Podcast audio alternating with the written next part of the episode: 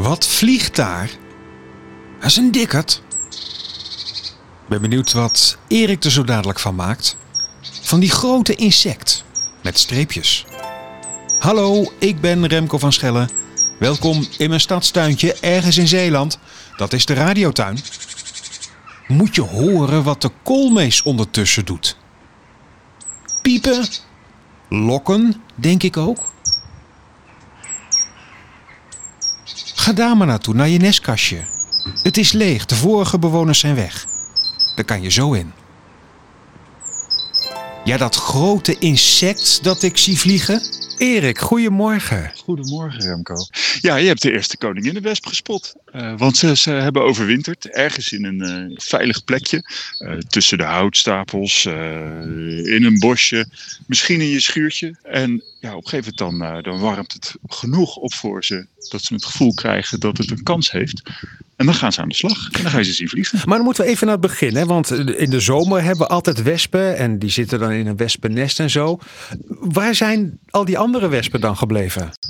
Alle werksters die zijn op, dood. Die, dat is gewoon klaar met ze. Die hebben dus inderdaad als, uh, als zomerfunctie uh, de taak om, om zo'n nest te verzorgen, om veel broed te maken. En eigenlijk is hun enige doel jonge wespenkoninginnen opvoeden. Dus de koningin is de enige die dan overleeft? Ja, en moet ik wel zeggen, een nest produceert als het goed is een paar koninginnen. Want als zo'n nest honderd koninginnen voortbrengt, hebben ze eigenlijk geluk als daar één of misschien twee volwassen nesten uitkomen het jaar erop. Nu zag ik dan zo'n koningin bij mij in de radiotuin vliegen. Wat doet hij daar? Of wat doet ze daar, moet ik zeggen?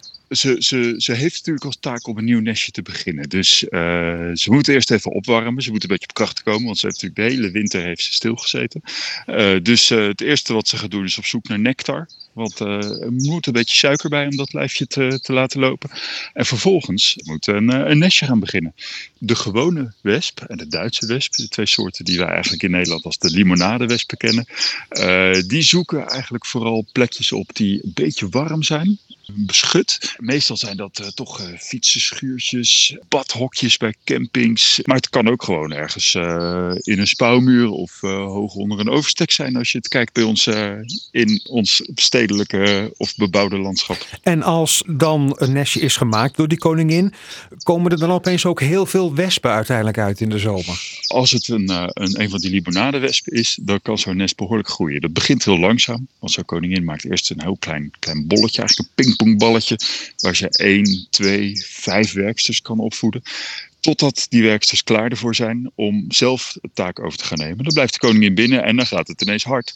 Ja, en daar kunnen het er inderdaad honderden of duizenden worden. Ik zit nog even met een dingetje hoor. Want uh, als die koningin als enige overleeft, is er dan ook een mannetje nodig om dan voor nakomelingen te zorgen? Nee, die zie je in het najaar, september, oktober.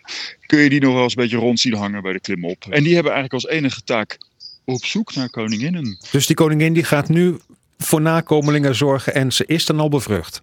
Ja, ja, dat is afgelopen najaar al gebeurd.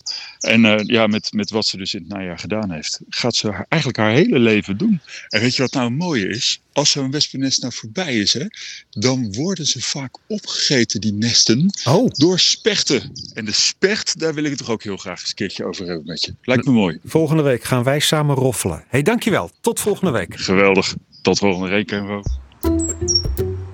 De radiotuin blijft verrassen, mij in elk geval wel. Kijk zelf ook eens in je eigen tuintje, op je balkon of in het gemeenteperkje naar al die mooie dingen die je daar ziet. Alle babbels met Erik vind je op radiotuin.nl. Volgende week dus over de specht. Tot dan.